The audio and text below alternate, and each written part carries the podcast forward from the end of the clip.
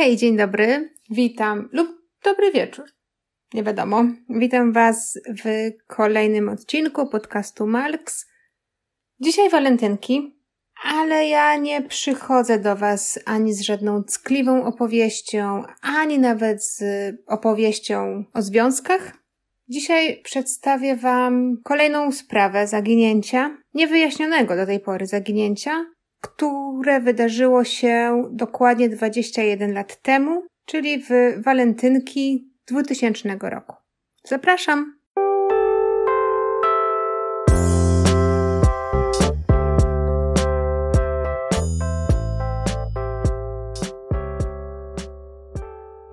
Dzisiaj będziemy mówić o, wydawałoby się, ucieczce. Ale to nie będzie aż taka prosta sprawa, jeżeli chodzi o jakąkolwiek ucieczkę z domu jakiegokolwiek nastolatka, czy nawet troszeczkę większego człowieka. Sprawa jest nietypowa, jeżeli chodzi o zaginięcie, jeżeli chodzi o ucieczkę, ponieważ dzisiaj będziemy mówić o dziewczynce, która w momencie zaginięcia miała 9 lat. Pomyślcie sobie teraz, no niestety takie historie się zdarzają.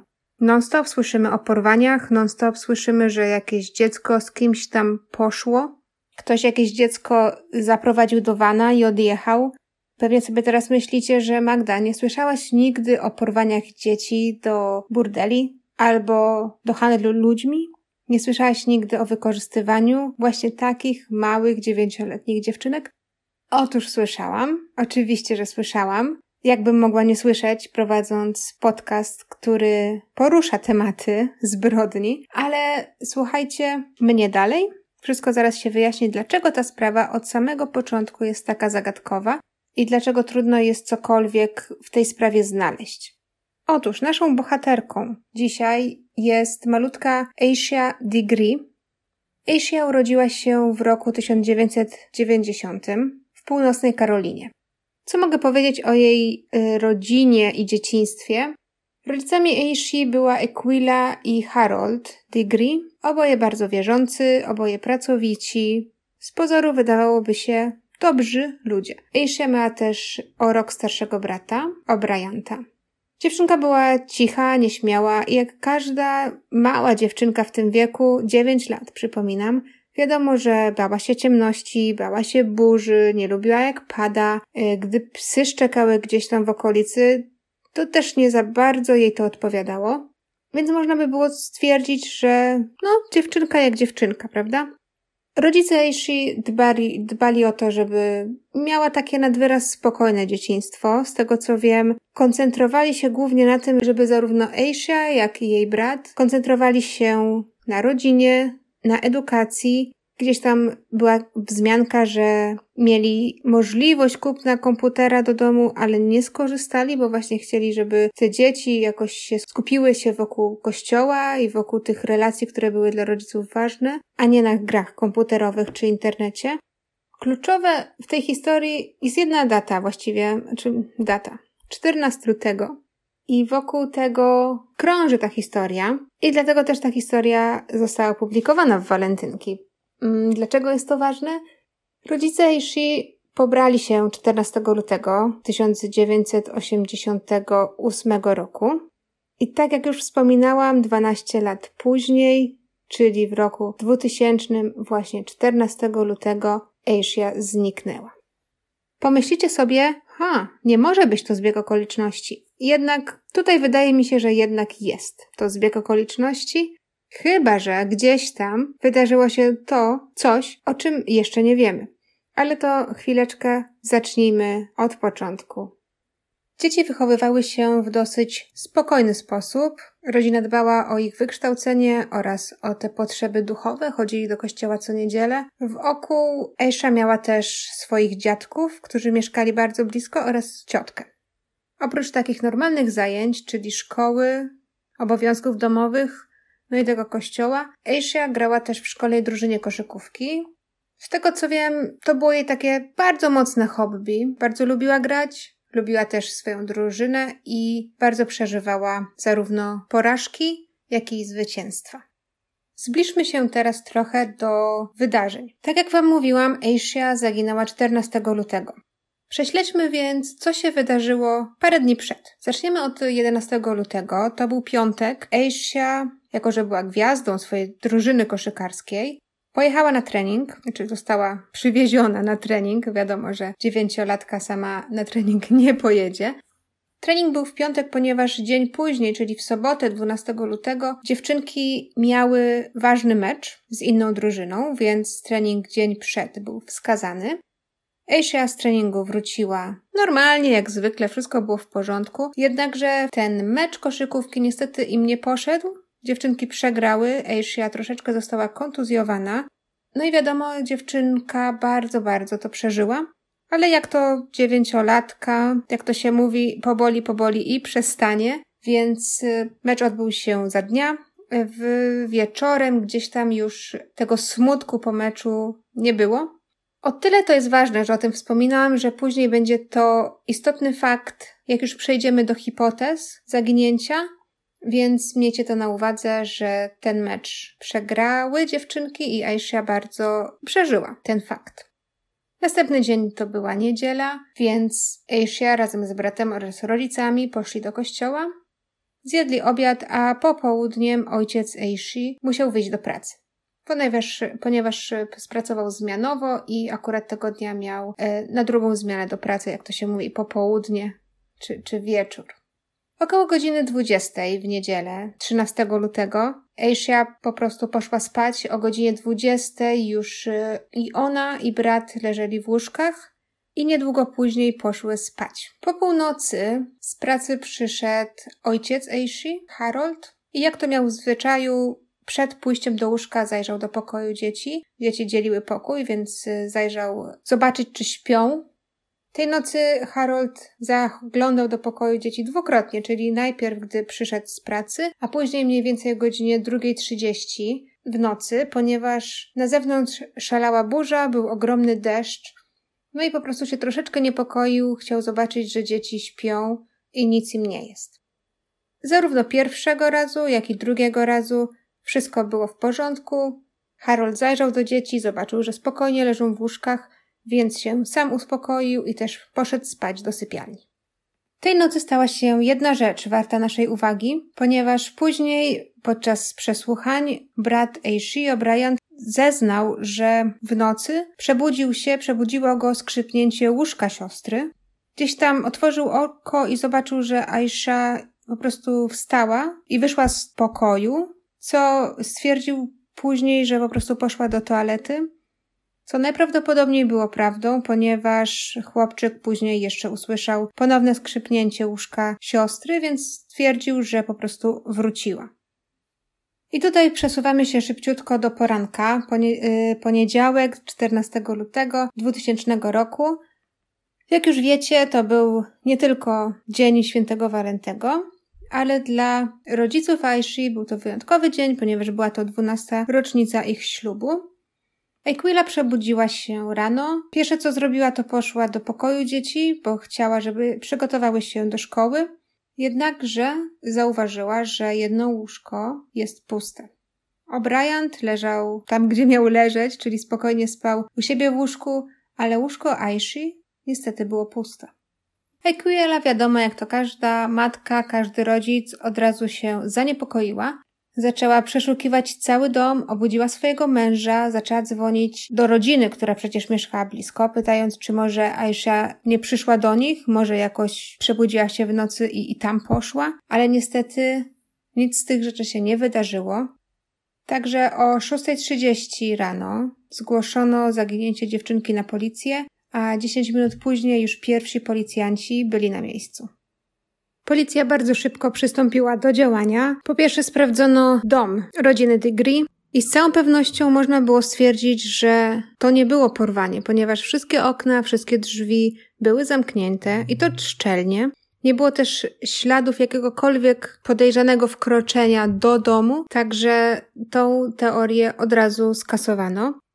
W międzyczasie policja zaangażowała helikopter z kamerą termowizyjną, czyli taką, która reaguje na ciepło i ruch ludzkiego ciała, oraz psy tropiące.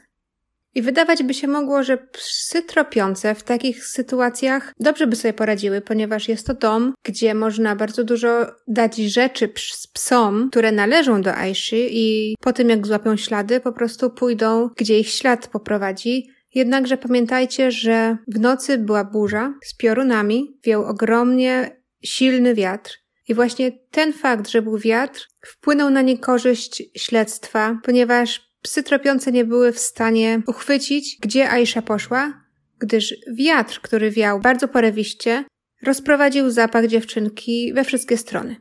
Także to niestety się nie powiodło. Co ważne, stwierdzono, że w pokoju Aishi brakuje jej plecaka. I od razu nasunęła się tutaj teoria, że Aisha właśnie ten plecak ze sobą wzięła, Sprawdzono wszystkie rzeczy dziewczynki i prawdopodobnie, to są takie zgaduj zgadu dla rodziców, ale Aisha wzięła kilka ubrań, jakieś ciepłe koszulki, strój do koszykówki, wzięła ze sobą jakieś e, swoje portfelik, notatnik i kilka zdjęć rodziny. I tutaj już można było przypuszczać, że to była ucieczka. Policja zaczęła przepytywać brata Ajszy, czy nie słyszał w nocy czegoś nadzwyczajnego, czy nie słyszał, jak dziewczynka się pakuje. Powiedział, że nie. Że tylko słyszał to skrzypnięcie łóżka, zobaczył, że wyszła do toalety, ale potem słyszał ponowne skrzypnięcie łóżka, więc pomyślał, że Aisha po prostu wróciła i poszła spać dalej. To prowadzi nas do takiej tezy, że może dziewczynka faktycznie próbowała, myślała o tym, żeby uciec z domu już wcześniej i zawczasów spakowała plecak. Około siódmej rano rodzice Aishi postawili na nogi całą okoliczną społeczność. Wszyscy bardzo się zaniepokoili zaginięciem dziewczynki, odwołali swoje plany i zaczęli aktywnie poszukiwać Aishi. Przeszukiwano teren, przesłuchiwano ludzi, sprawdzano opustoszałe domy, szkoły, podwórka, studnie, rozprowadzano też ulotki. To wszystko potoczyło się bardzo, bardzo szybko. To wszystko wydaje się o tyle dziwne, że dziewczynka, ona bała się ciemności, bała się burzy, nienawidziła jak pada deszcz, nienawidziła jak grzmiało i tu nagle znika? Sama z siebie? Nie miała większych problemów ani w szkole, ani w domu. Miała po prostu normalne, normalne życie. To wszystko wydawało się bardzo, bardzo dziwne i niezrozumiałe. Tak jak mówiłam, wszyscy działali bardzo szybko i o zaginięciu Aishi poinformowano także w popołudniowym wydaniu wiadomości. Po tej informacji na policję zgłosiło się dwóch mężczyzn, którzy widzieli tamtej nocy dziewczynkę idącą autostradą numer 18. Autostrada numer 18 jest to właśnie ta droga, która prowadzi od domu Aishi w stronę centrum miasta. Jeden z mężczyzn zeznał, że widział dziewczynkę około 3.45 w nocy, a drugi około 4.15. Dziewczynka była ubrana na biało, miała na sobie białą koszulkę, białe dżinsy i białe tenisówki. Niosła też plecak. Mimo tego, że to był luty, więc temperatura, tym bardziej w środku nocy, była dosyć niska, dziewczynka nie miała na sobie ani płaszcza, ani czapki, nie miała też parasola, a przypominam, że bardzo, bardzo padało. Jeden z kierowców chciał pomóc dziewczynce, Próbował podjechać na pobocze, żeby zapytać się jej, czy wszystko w porządku, ale w momencie, gdy dziewczynka zauważyła nadjeżdżający samochód w jej stronę, przeraziła się i szybciutko zbiegła, ukryła się w pobliskich drzewach. I tutaj zaskakujący jest fakt taki, że obaj mężczyźni zgłosili się na policję albo w ogóle poinformowali o czymkolwiek dopiero po tym, jak zobaczyli w wiadomościach, że Aisha zaginęła. I teraz sobie pomyślicie, że może to jest dosyć dziwne, że nikt nie zadzwonił na policję od razu, że dziecko idące środkiem drogi, w środku nocy, to nie jest codzienny widok i że każdy odpowiedzialny dorosły od razu właściwie zareagowałby i zadzwonił na policję albo po prostu próbował coś zrobić. To jest fakt, ale uwaga, my myślimy z perspektywy ludzi z 2021 roku. Przypominam, że Aisha zaginęła w roku 2000 i wtedy telefony komórkowe nie były aż tak powszechne. Fakt faktem, obaj mężczyźni mogli zadzwonić na policję po powrocie do domu, ale nie chcę tutaj ich usprawiedliwiać ani nic z tych rzeczy, ale może już to był środek nocy, godzina czwarta, może piąta, jak przyjechali do domu, więc pewnie najprawdopodobniej jedyne co chcieli to się położyć do łóżka i pójść spać, no chociaż przyznam wam, to jest dziwne i taka odpowiedzialność społeczna, że hej, tutaj jest jakieś dziecko w środku nocy, idzie ulicą nieoświetloną drogą, ponieważ to ta autostrada 18, wielka nazwa autostrada, ale to była po prostu dwupasmówka. Wyobraźcie sobie, co by było, gdyby teraz wiemy, że Aiszy nigdy nie odnaleziono, ale wyobraźcie sobie, jak inaczej mogły potoczyć się wydarzenia, gdyby któryś z tych mężczyzn jednak zadzwonił na policję. Z takim tropem, w sensie lokalizacją, ostatnią lokalizacją Aiszy, policja zaczęła przeszukiwać pobliskie zagajniki, tereny, lasy. I dzień po zaginięciu zgłosiła się właścicielka pobliskiego zakładu tapicerskiego. Zgłosiła, że w jej szopie znajdują się przedmioty, które nie należą do niej. Wśród tych przedmiotów były m.in. papierki po cukierkach, ołówek, mazak oraz gumka do włosów z myszką Miki. I tutaj wiadomo, rodzice od razu potwierdzili, że te wszystkie przedmioty są własnością Eiszy. Można by więc przypuszczać, że Eisha po wyjściu z domu szła około dwóch kilometrów autostradą 18, a po tym jak została przestraszona nadje przez nadjeżdżający samochód, zboczyła z drogi i na noc zatrzymała się właśnie po bliskiej szopie. Kolejny przełom w sprawie nastąpił dopiero półtora roku później, 3 sierpnia 2001 roku, kiedy to na pobliskiej budowie, która była obok drogi krajowej 18, czyli tej drogi, którą szła Eisha, na tej pobliskiej budowie został znaleziony plecak. Plecak był zawinięty w dwa czarne worki na śmieci i zakopany w ziemi. Mężczyzna, który wykopał plecak, zobaczył w środku nazwisko Ejszy, razem z żoną zadzwonili na policję. No i tu nie ma cienia wątpliwości, że to był plecak kogoś innego. Rodzice też potwierdzili, że tak, nasze dziecko posiadało taki plecak i to jest z największą pewnością ten tornister, brakujący tornister, ten tornister spokoju dziewczynki. Zastanawiający w tym wszystkim jest fakt zakopania plecaka w dwóch workach na śmieci. Może to dawać nam taki ślad, że może ktoś chciał zachować plecak z jakichkolwiek innych względów, ponieważ gdyby komukolwiek zależało na tym, żeby jakiekolwiek ślady zatrzeć, no to ten plecak można by było spalić, można by było wyrzucić po prostu do śmieci. Nikt by go nie znalazł, bo nie wiem, czy wspominałam, plecak został znaleziony 40 kilometrów od domu Eishi. Czyli jeżeli ktoś by wyczyścił plecak z jakichkolwiek pozostałości, na przykład jakieś kartki, jakieś imię i nazwisko, cokolwiek, co mogłoby prowadzić do Ejszy i roz, rozproszył te wszystkie przedmioty gdziekolwiek indziej, a po prostu plecak wróciłby właśnie koło budowy, czyli te 40 kilometrów od domu Ejszy, no to nikt nigdy tego plecaka by nie znalazł.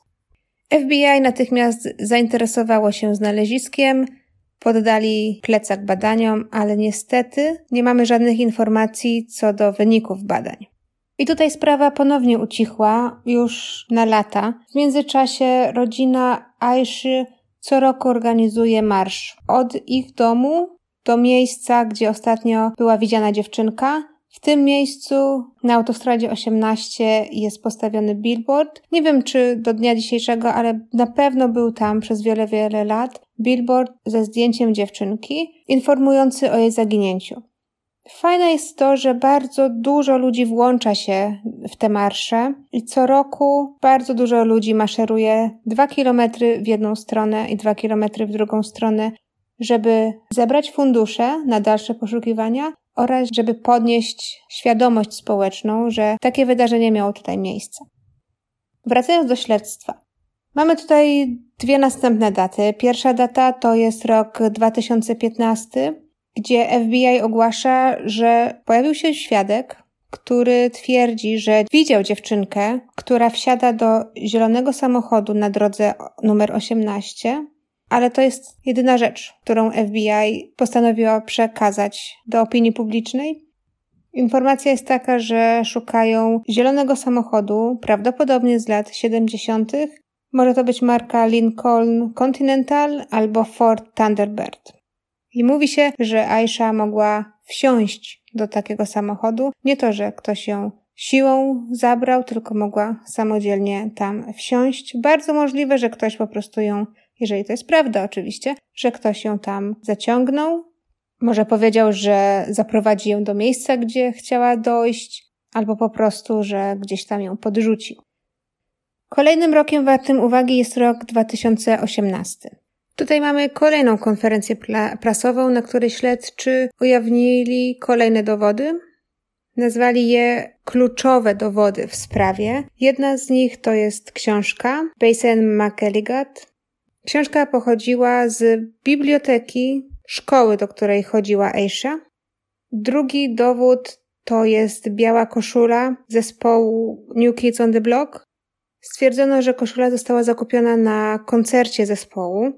Kluczowa informacja jest taka, że oba te przedmioty zostały znalezione w plecaku Aiszy. Poproszono więc wszystkich, którzy mieli koszulkę New Kids on the Block lub znali kogoś, kto miał taką koszulkę, żeby zgłaszali się do policji oraz poproszono, aby każdy, kto wypożyczał właśnie taką książkę z lokalnej szkoły, zgłaszał się na policję. Informacja jest taka, że niestety w bibliotece archiwa wypożyczeń nie sięgały aż tak odległego czasu. Końcową informacją jest oczywiście informacja o nagrodzie. Oferowano 45 tysięcy dolarów za każdą pomoc w odnalezieniu dziewczynki. Jednak tutaj nic się nie wydarzyło. Do dnia dzisiejszego nie można też ustalić, nikt nie ma pojęcia, dlaczego dziewczynka opuściła dom. Czy faktycznie była to celowa ucieczka z domu? Czy może Aisha poszła w jakimś celu gdzieś i chciała wrócić, bo spakowała się na zaledwie parę dni? Nie miała też jedzenia, więc nie wydaje się, żeby chciała po prostu iść w nieznane. Tutaj dochodzimy do spekulacji i teorii. Na początku jednak nadmienię, że rodzice dziewczynki nigdy nie byli podejrzani w sprawie. Policja ich przepytała, poddali się też wykrywaczowi kłamstw. Tutaj sprawa się zakończyła. Policja nigdy nie, nie, nie wspomniała o tym, że rodzice Aiszy mieli cokolwiek wspólnego z, nie, z jej zaginięciem. Teoria numer jeden, i tutaj na samym początku też myślałam, że może coś być na rzeczy.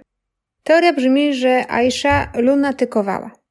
Ta możliwość wyjaśniałaby fakt, że Aisha szła samotnie drogą i nie była ubrana stosownie do, do pogody. Wiadomo, jak człowiek lunatykuje, to nie zdaje sobie sprawy, co robi, a już na pewno w co jest ubrany. Druga rzecz potwierdzająca teorię lunatykowania byłaby taka, że Aisha szła drogą, która prowadzi do jej szkoły, czyli od domu do szkoły. Droga, którą znała na pamięć, bo przemierzała ją pięć razy dziennie, w jedną i w drugą stronę.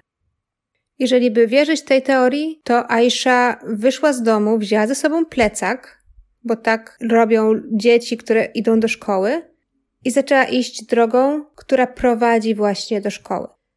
W międzyczasie została gwałtownie obudzona przez kierowcę, który chciał do niej podjechać i jej pomóc, i zdezorientowana pobiegła na oślep prosto i nie wiedziała, gdzie jest, bo było ciemno, zimno, padał deszcz. Ukryła się w szopie. Dalsze losy oczywiście nie są znane. Kontrargumenty do tej teorii są takie, że prawdopodobnie, chociaż to nie jest potwierdzone, ale prawdopodobnie fakt, że właśnie było zimno i padał deszcz, szybko by ją obudził z tego letargu. Chociaż tutaj istnieją dwie strony medalu. Jedna strona mówi, że faktycznie taka dziewczynka szybciutko by się obudziła, a druga strona medalu mówi, że no niekoniecznie, bo mogła być faktycznie w bardzo, bardzo głębokim śnie. Taka teza, która jest dosyć mocna, teza, która obala akurat teorię lunatykowania, jest to, że Aisha miała spakowany plecak. To nie były książki, to nie były zeszyty do szkoły, to były ubrania. Więc można by tutaj przypuszczać, że chciała uciec i że ten plecak spakowała wcześniej i z premedytacją go ze sobą wzięła, jakby szukując się w podróż. Istnieje prawdopodobieństwo, że Aisha mogła spakować plecak w nocy na minuty przed y, ucieczką, jednakże tutaj istnieje możliwość, że jej brat mógłby się obudzić, no gdyż spakowanie plecaka nie jest czynnością bezszelestną. Teoria numer dwa jest taka, że ktoś potrącił Aiszę, było to potrącenie śmiertelne i potem po prostu zakopał ciało i pozbył się wszystkich dowodów. Ta teoria może, choć nie musi łączyć się z teorią lunatykowania, Wiadomo, że Aisha szła drogą, która była nieoświetlona, było ciemno, padał deszcz, warunki pogodowe były na tyle złe, że ciężko było prowadzić, więc bardzo możliwe jest to, że ktoś jadący drogą w środku nocy nie zauważył dziewczynki, śmiertelnie ją potrącił i później na tyle spanikował, że nie widział innej drogi, jak tylko pozbyć się ciała. Wydaje się to być coś takiego, w co można byłoby uwierzyć, że tak można, mogło się stać, jednakże nigdzie do tej pory nie znaleziono ciała dziewczynki, a plecak, który znaleziono, nie miał żadnych śladów obcego DNA, chociaż możliwe, że policja go nie ujawniła do tej pory, bo śledztwo jest nadal otwarte. Jednakże przypuszczam, że jak ktoś popełnia morderstwo, to zamiast zakopywać plecak owinięty aż w dwa worki na śmieci, i to gdzieś tam zakopał go na przyszłym placu budowy, więc zamiast zakopywać plecak, no, łatwiej byłoby go spalić na przykład. To, co już, y, o czym już Wam wspominałam. Ta teoria oczywiście nie wyjaśnia faktu, dlaczego Aisha szła nocą drogą numer 18, jednakże jest to jedna z teorii. Teoria numer 3 jest taka, że Aisha uciekła z domu i zaczęła nowe życie. Chociaż tutaj jest więcej znaków zapytania niż pewności, ponieważ Aisha miała 9 lat lub 10, w zależności od tego, jak kto liczy, bo rocznikowe miała 10, ale jeszcze nie skończyła 10 lat, więc jest tak mało prawdopodobne, że po pierwsze chciała uciec z domu i zacząć nowe życie, bo dlaczego miałaby to robić, skoro byłam no, normalnym dzieckiem w normalnej rodzinie. Faktycznie rodzice tam trzymali ich troszeczkę krótko, no ale nikt tam się nie bił, nikt tam się nie awanturował, rodziców miała blisko, miała blisko rodzinę, babcie, więc generalnie nie miała powodu, żeby uciekać z domu i tym bardziej nie miała powodu, żeby zaczynać gdzieś nowe życie z dala od najbliższych. Więc ta teoria to jest chyba taka tylko teoria palcem na wodzie pisana, żeby gdzieś tam mieć światełko nadziei w tunelu, ale no ja bym się przy tej teorii nie zatrzymywała na długo. Kolejna teoria, teoria numer cztery głosi, że Aisha została uprowadzona. Ale nie z domu, to nie było włamanie. Teoria mówi, że ktoś kazał Aiszy wyjść z domu i iść drogą, a potem zgarnął ją do tego zielonego samochodu, o którym mówił jeden ze świadków. Dlaczego myślimy, że ten ktoś kazał Ejszy iść drogą? Ano dlatego, że mamy dwóch świadków, którzy widzieli dziewczynkę idącą samodzielnie. Tam nie było nikogo innego, żadnego dorosłego, żadnego dziecka, więc wiemy, że Ejsza na pewno szła sama. Druga rzecz. Czy był to ktoś nieznajomy, czy był to ktoś, kogo Ejsza znała? Tutaj szala może przechylać się w stronę osoby, którą Eisha jednak znała. Dlaczego? Ponieważ pamiętamy, że dziewczynka była dosyć strachliwa, była jakby chowana pod kluczem. Przypuszczam, że nie ufała nieznajomym. Jest jeszcze fakt tego, że jeden z tych kierowców, który, który ją widział 14 lutego, chciał do niej podjechać i jej pomóc, zapytać, co się dzieje, ale to spłoszyło dziewczynkę, więc podejrzewam, że samodzielnie nigdy nie wsiadłaby do samochodu nieznajomego, raczej by uciekła. A pamiętamy, że świadek, który widział ten zielony samochód, mówił, że Eisha wsiadła dobrowolnie do niego, nie że została na siłę tam wepchnięta. Nie ma jednak nic konkretnego do poparcia tej teorii, nie ma żadnych dowodów, nie ma żadnych osób podejrzanych, więc ta teoria zostaje na tę chwilę tylko teorią. Teoria numer 5 ma związek z lekturą szkolną o tytule The Whipping Boy. Jest to książka o dwóch chłopcach. Jeden z nich to jest książę, a drugi z nich to jest taki chłopak, który jest tak zwanym chłopakiem do bicia. W sensie, że nie można uderzyć księcia, bo to jest książę, więc kara spada na właśnie tego drugiego chłopca.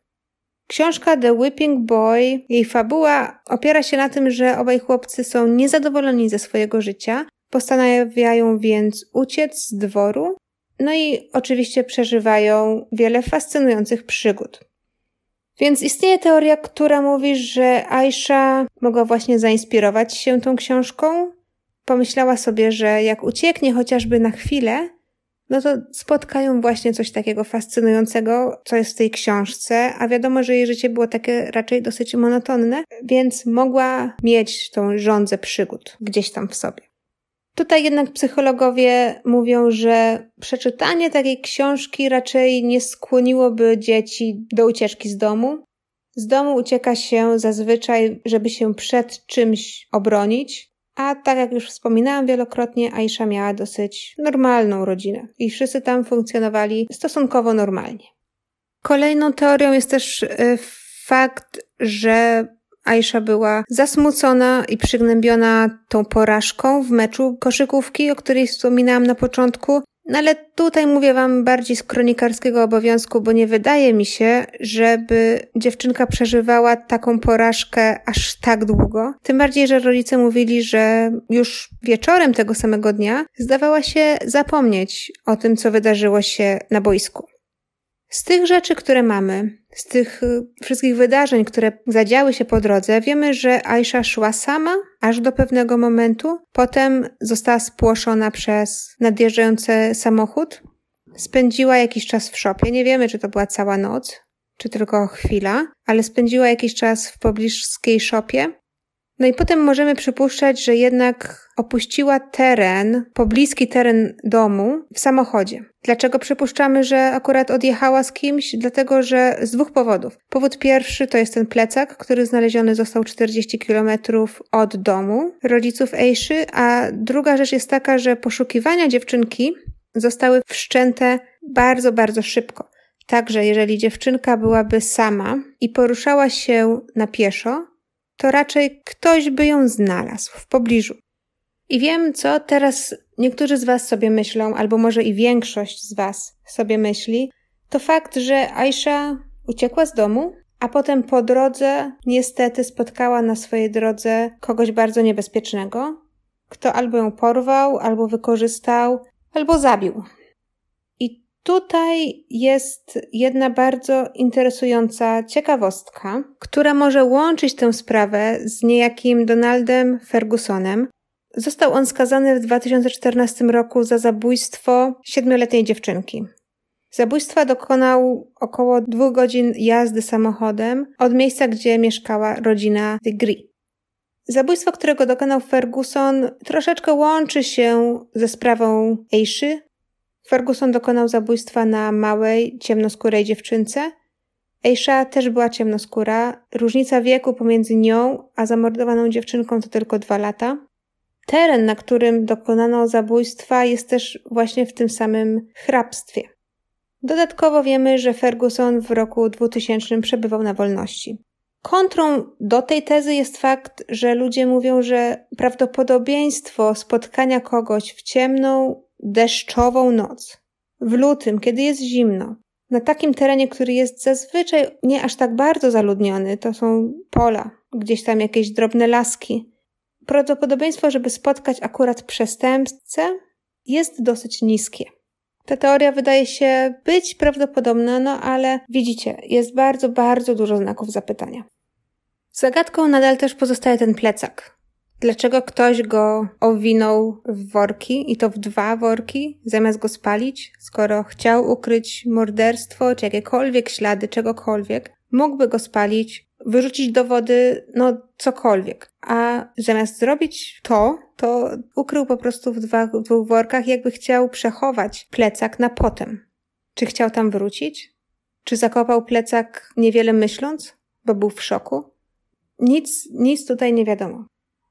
Na koniec jeszcze powiem Wam to, że przeglądając tę sprawę, czytając komentarze, ludzie mają wrażenie, że coś w domu Ejszy było jednak nie tak. Pomimo tego, że nie mamy dowodów, albo policja się nie dzieli takimi dowodami, ale też sąsiedzi nic nie mówią. Brat Aishin też nic nigdy nie powiedział, że coś mu się złego wydarzyło. Ludzie jednak mają wrażenie, że coś było nie tak.